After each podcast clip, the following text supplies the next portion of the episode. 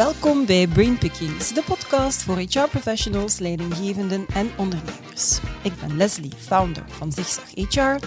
En met Zigzag HR dagen we jou uit om jezelf en je vakgebied heruit te vinden. Abonneer je dus zeker op dit YouTube-kanaal of volg ons op jouw favoriete podcastkanaal.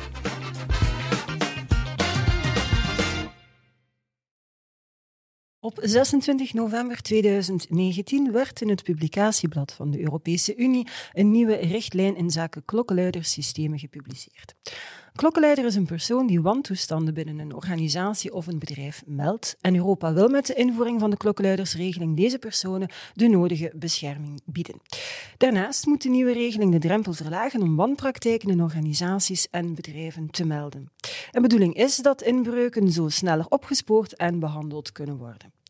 Deze richtlijn zal, eens invoegen is het regelgevend kader in zaken klokkenluidersystemen drastisch veranderen, zo ook in België, waar we vooralsnog geen algemene wettelijke klokkenluidersregeling kennen en dus ook geen klokkenluidercultuur. Wat betekent dat voor jouw bedrijf en wat moet jij daar als HR-professional over weten? Wel, voor een antwoord op die vragen heb ik Inge Verhelst uitgenodigd, partner bij Kleis en Engels. Welkom. Dag Inge. Dag Leslie. Goedemorgen. Goedemorgen. Welkom op de kantoor. Het is de eerste keer voor jou. Ja? Dat niet. Ja, super kijk. Ja, ja. Het is wel een beetje frisjes vandaag. Hè? Ja, een beetje koud. Koude dag. Bah, ja, maar kijk. Um, we gaan niet aan ons hart laten komen. Um, op een kader voor meldingen rond inbreuken in de financiële sector na is er in België quasi geen aan bescherming voor werknemers die schandalen of wanpraktijken binnen de organisatie aan het licht brengen. Nochtans dreigt voor die mensen soms ontslag of juridische vervolging. Dat is dan een van de redenen waarom dat die wetgeving er dan komt. Wat moeten we daar zo al over weten? Ja, dat klopt. Hè. Uh, die klokkenluidersregelingen zijn inderdaad niet helemaal nieuw in België. Mm -hmm. Zoals je al zei, in de financiële sector hebben we dat al. En uh, we kennen dat eigenlijk ook in de publieke sector. Mm -hmm federale overheid en ook de Vlaamse overheid heeft een uh, beschermingsregeling. Um, en dat is eigenlijk ontstaan uh, begin jaren 2000 in mm -hmm. uh, de Verenigde Staten, naar aanleiding van, lang geleden, schandalen rond Enron en WorldCom, ja, ja, ja. waar ook Arthur Anderson destijds bij betrokken was. Maar dat is al 22 jaar geleden. Zeer lang geleden. En toen is in Amerika wetgeving ontstaan, de SOX-wetgeving, mm -hmm. er misschien al van gehoord, Sarbanes-Oxley, um, die oplegde aan Amerikaanse bedrijven om te zorgen voor rapporteringskanalen mm. intern in de organisatie, om het mogelijk te maken dat werknemers die wantoestanden zouden opmerken, dat zouden kunnen melden zonder dat ze bevreesd zouden moeten zijn voor represailles. Ja. Het idee was ook dat dat anoniem uh, moest gebeuren. Mm -hmm. Nu, Zoals dat vaker is met Amerikaanse wetgeving, werd dat ook opgelegd aan buitenlandse filialen ja. van die Amerikaanse bedrijven. En zo is dat dus eigenlijk ook Europa mm -hmm. binnengedrongen. Maar in Europa ja, hebben we daar toch een beetje een andere cultuur rond. En was er wat vrees rond, ja, gaat er zo een klikcultuur ontstaan? Ja, ja. En dat botste ook wel met onze uh, ja, hele strikte privacywetgeving toch wel. Um, en dus aanvankelijk was er wel de vraag van, kan dat eigenlijk wel? Mm -hmm. Maar dan is er, in 2006 is er dan een aanbeveling geweest van de privacycommissie, die de voorganger is van wat we vandaag kennen als de gegevensbeschermingsautoriteit. En die heeft toen gezegd, ja, dat kan inderdaad met de nodige uh, waarborgen uh, voor de uh, vertrouwelijkheid van die mm -hmm. melding. maar was toen ook van oordeel dat anonieme meldingen niet zouden kunnen. Dat mocht ook niet verplicht zijn, enzovoort. En dus zag je toch wel die klokkenluidersregelingen ook ja. in de private sector ontstaan, maar zonder eigenlijk een, een echt wettelijk kader daar rond. Mm. En dus ook zonder inderdaad een echte bescherming ja. voor, uh, voor die klokkenluiders. En dat is nu veranderd hè, met die Europese richtlijn van 2019. Nu, die richtlijn die bestaat inderdaad al hè, een, een, drie jaar eigenlijk mm -hmm. ondertussen. Die moest eigenlijk geïmplementeerd zijn in de lidstaten eind vorig jaar, dus december ah, ja. 2021. Mm -hmm. Maar uh, ook daar, België heeft de deadline daar uh, gemist, heeft daar ook al een verwittiging gekregen van de mm -hmm. Europese Commissie, is dus te laat, maar uh, heeft nu dan toch twee wetsontwerpen klaar, eentje voor de private sector en één voor de publieke sector. Mm -hmm. Die twee wetsontwerpen zijn ook al gestemd in het parlement en die gaan eigenlijk ja, een van de volgende dagen, weken, gaan die wetten ja. ook echt gepubliceerd worden en okay. dan ook in werking treden. Ja. Nu, uh, de, de wet voorziet uh, dat uh, de inwerkingtreding zal zijn twee maanden na de publicatiedatum. Mm -hmm. Dus dat is verwacht ergens midden, eind februari 2023. Ja. En voor alle duidelijkheid, het moment dat we deze podcast opnemen zijn nu 9 december, dus vooralsnog is er nu geen... Nee, voorals, vandaag is er nog niks, maar Uh, we weten wel dat het er uh, heel binnenkort gaat zijn. Ja, ja klopt. All right. Um, zeg, en, en, op wie is dan die, die, die wet uh, van toepassing of, of voor wie niet dan eventueel? Ja, de wet heeft uh, een, een heel ruim toepassingsgebied. Ik ga het vooral hebben op de, over de private mm -hmm. sector. Mm -hmm. um, zowel wat de ondernemingen betreft als wat de personen betreft die een melding uh, kunnen doen. Ja. Dus wat de ondernemingen betreft wordt er een onderscheid gemaakt. Ondernemingen die financiële diensten en, en producten aanbieden, mm -hmm. die vallen er altijd onder, ongeacht hoeveel werknemers ze hebben. Uh, andere ondernemingen, dus het gros van de ondernemingen, die gaan daaronder vallen van zodra dat ze 50 werknemers of meer ja. hebben. Mm. En dan wordt er in die wet ook nog een onderscheid gemaakt tussen ondernemingen met 50 tot 250 medewerkers en ondernemingen vanaf 250 mm. werknemers.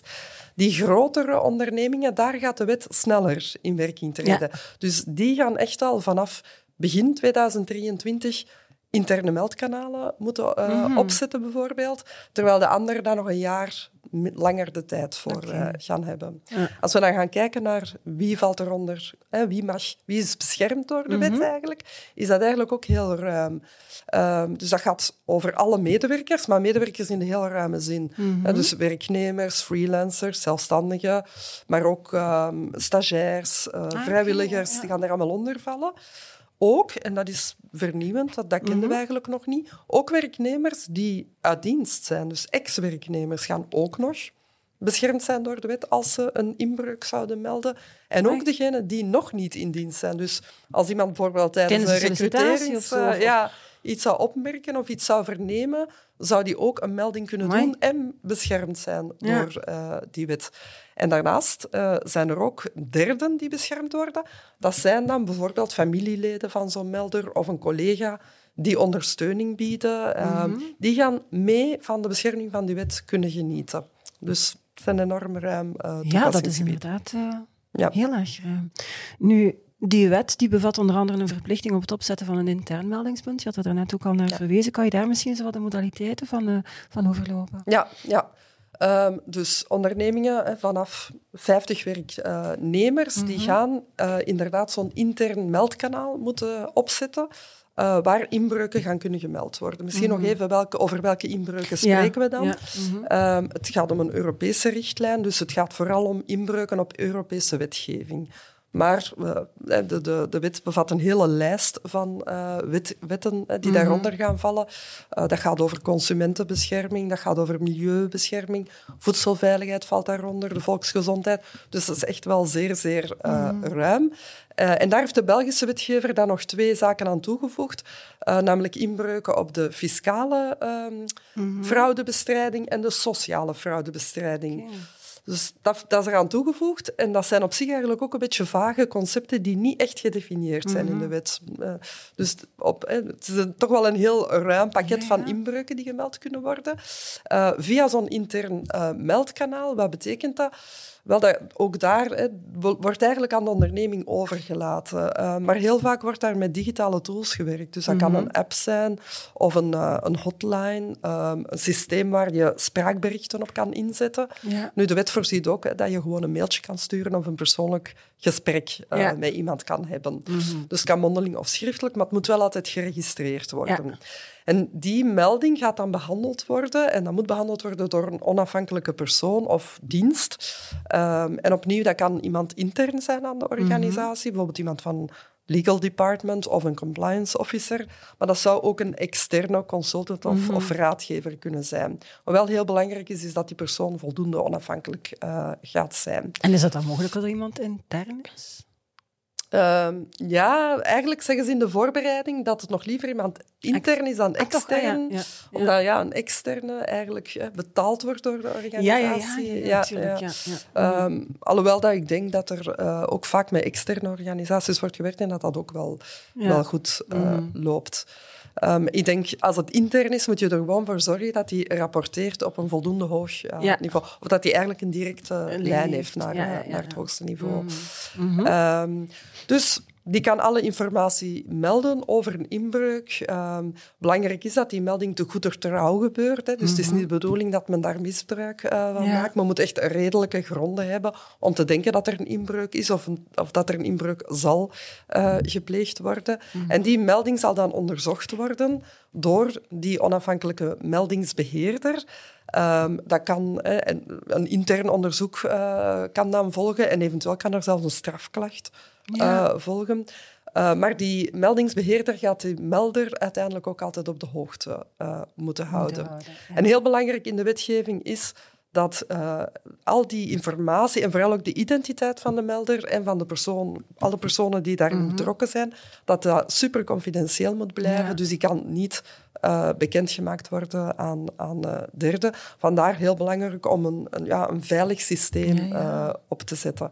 Dat niet gehackt kan worden, bijvoorbeeld. Ja, inderdaad. Dus alle regels van de GDPR en de privacywetgeving gaan daarop van toepassing zijn. Mhm. Nu, daar is ook wel belangrijk dat de wet echt een hele ruime mate van transparantie voorschrijft. Mhm. Dus als bedrijf ga je een beleid moeten uitschrijven met heel gedetailleerd die procedure uh, beschreven en waarin je ook heel gedetailleerd gaat moeten zeggen op welke wijze die klokkenluiders beschermd uh, gaan zijn. Dus je gaat zelfs moeten zeggen hoe dat jij als onderneming kan gesanctioneerd worden als je toch uh, nadelige maatregelen zou treffen tegen die uh, ja. klokkenluiders.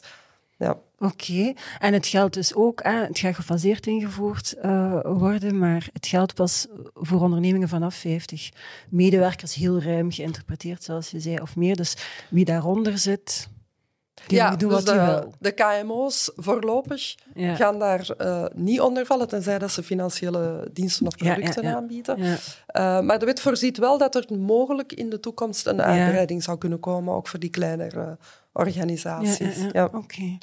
Um, dat is dus dat intern meldingspunt en alle modaliteiten die daarbij komen kijken. Er moet ook een extern meldingspunt zijn, of zijn er nog niveaus? Of? Ja, dus de wet voorziet eigenlijk drie manieren om mhm. zo'n melding te kunnen doen.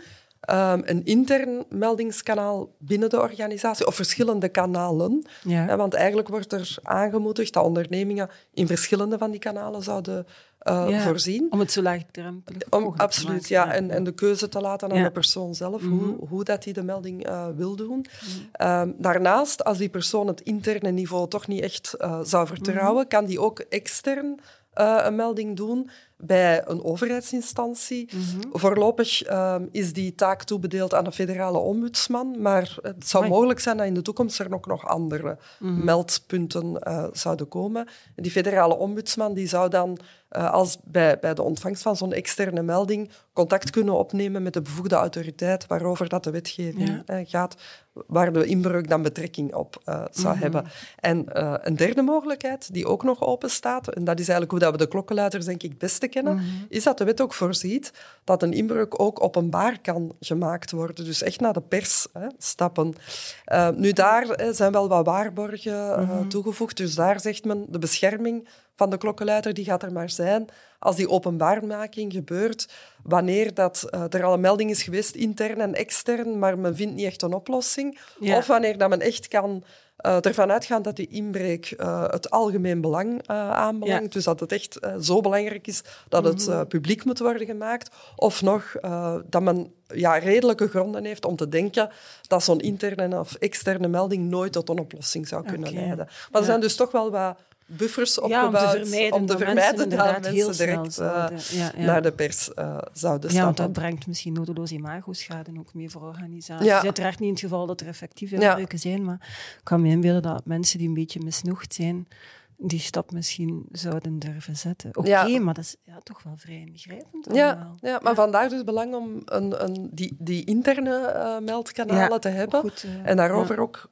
duidelijk te communiceren. En die communicatie moet trouwens niet alleen intern in een organisatie gebeuren, maar ook, je moet dat ook op je website echt gaan zetten, omdat effectief ook die derde van die bescherming gaan kunnen uh, genieten. Het zijn niet alleen werknemers, maar ook zelfstandigen of mensen die, ja, die, die Mhm. misschien niet altijd toegang hebben tot het intranet. Ja, en is al duidelijk of bepaald wat de timing dan bijvoorbeeld is die daarmee gepaard gaat. Als je zegt, ah, dat moet kenbaar gemaakt worden, dan moet een, een, je moet mensen op de hoogte houden. Wat zijn de termijnen die daarbij zijn? Daar deadlines tegen wanneer dat er gevolgen Wel, voor die grote worden? ondernemingen van 250 Mhm. werknemers of meer, ehm, is dat dus echt bij de inwerkingtreding van de wet. Dus die gaan eigenlijk vanaf Moeten februari zijn. 2023 moeten klaar zijn. Ja. Ehm, dus voor hen is het echt wel belangrijk om ja, zo snel mogelijk ervoor te zorgen dat dat beleid klaar is, dat dat kan Mhm. uitgerold worden.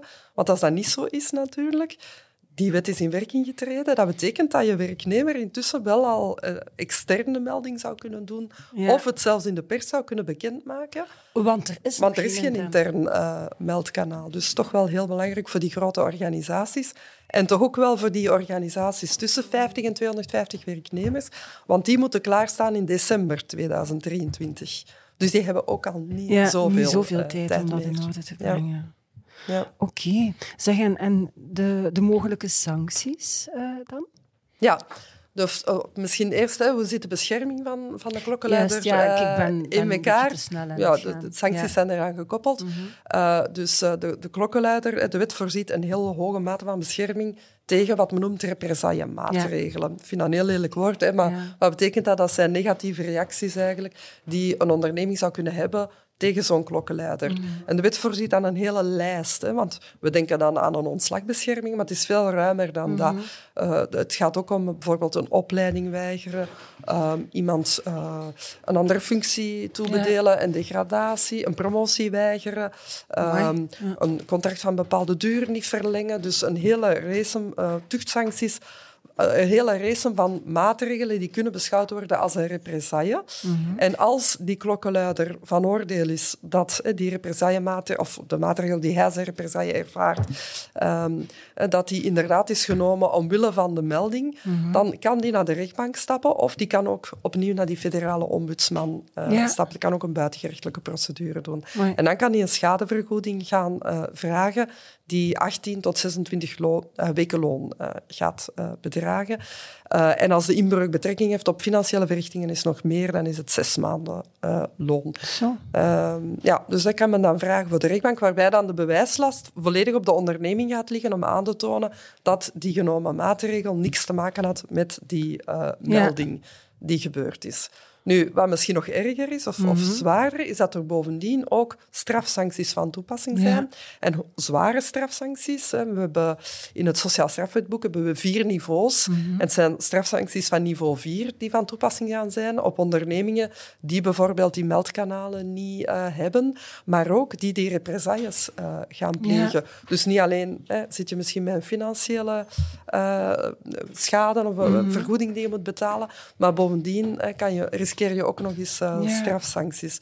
En dat is natuurlijk typisch voor Europese wetgeving. De sancties die moeten heel doeltreffend en efficiënt zijn en dat is hier duidelijk ook het, ja. ook het geval.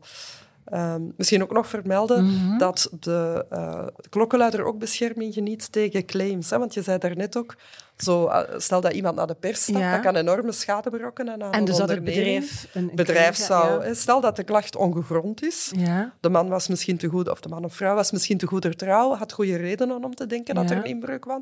Maar het was helemaal niet zo. Dus ja, uw reputatie als onderneming Ja. gaat, gaat eh, een deuk eh, krijgen.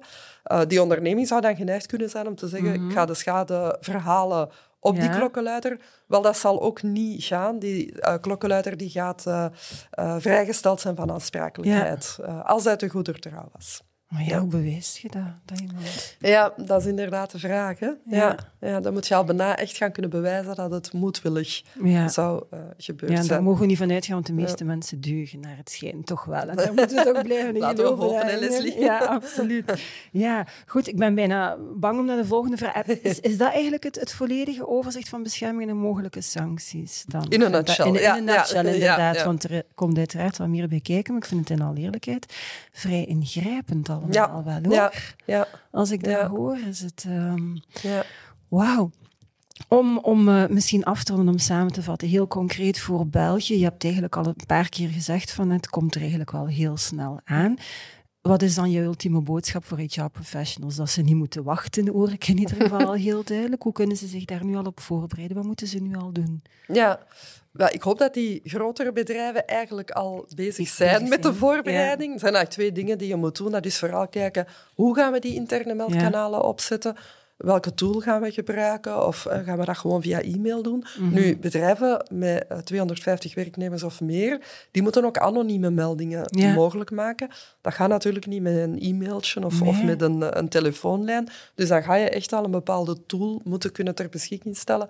Uh, dus dat, dat, is eigenlijk primordiaal. Daar moet ze al goed over nagedacht hebben. En tweede is dat ze een heel duidelijke policy moeten uitschrijven. Mhm. Ehm, waar ze ja, gedetailleerd um, hun kanaal moeten uitleggen, hoe dat die klachten gaan behandeld worden, wie dat de onafhankelijke meldingsbeheerder gaat zijn, hoe dat de communicatie zal verlopen, hoe dat de systemen beveiligd zijn. Want ja, opnieuw, GDPR is van toepassing, dus je moet, um, je moet daar allemaal documentatie rond uh, verzamelen. En, en, uh, en dan natuurlijk ook die policy uh, moet heel die beschermingsmaatregelen uh, bevatten. Dus, dus tot, tot zelfs de strafsancties moeten daarin vermeld staan. Ja. ja. En dus die twee dingen ja, zijn toch wel heel belangrijk om nu op, te, op te nemen. Ja, als onderneming. ja heel veel werk op de plank. Ja. Bovenop al het werk. Ja, ja, een beetje huiswerk onder de kerstboom. Ja, absoluut. Maar kijk, ja, dankjewel. Ik vond het in ieder geval heel helder, heel concreet, heel to the point toegelicht. En als mensen daar meer informatie voor willen, vermoed ik dat ze op de website bij jullie ook wel de nodige links kunnen vinden die we misschien kunnen toevoegen. Ja. Mensen die wel meer... Ja. Uh, dat lijkt mij wel uh, handig. Uh, ja. Ik hoop dat mensen in ieder geval tijdig ermee aan de slag gaan. Ik ja. niet min. Ja. Hartelijk bedankt, Inge. Graag gedaan. Merci. Tot ziens. Voilà, dankjewel ook uh, aan jullie om te kijken of om te luisteren. Vond je deze podcast interessant? Vertel dat dan natuurlijk aan zoveel mogelijk mensen verder. Ik zou zeker niet wachten als ik het verhaal van Inge hoor. Dus zorg dat je zeker uh, ja, je huiswerk tijdig maakt. Het allerbelangrijkste, waar we elke podcast mee afsluiten, ook al ligt er veel, heel veel werk op de plank, ook al komt er administratief ook weer heel veel bekijken, maar nog altijd, it's a great time to be in HR. Tot de volgende.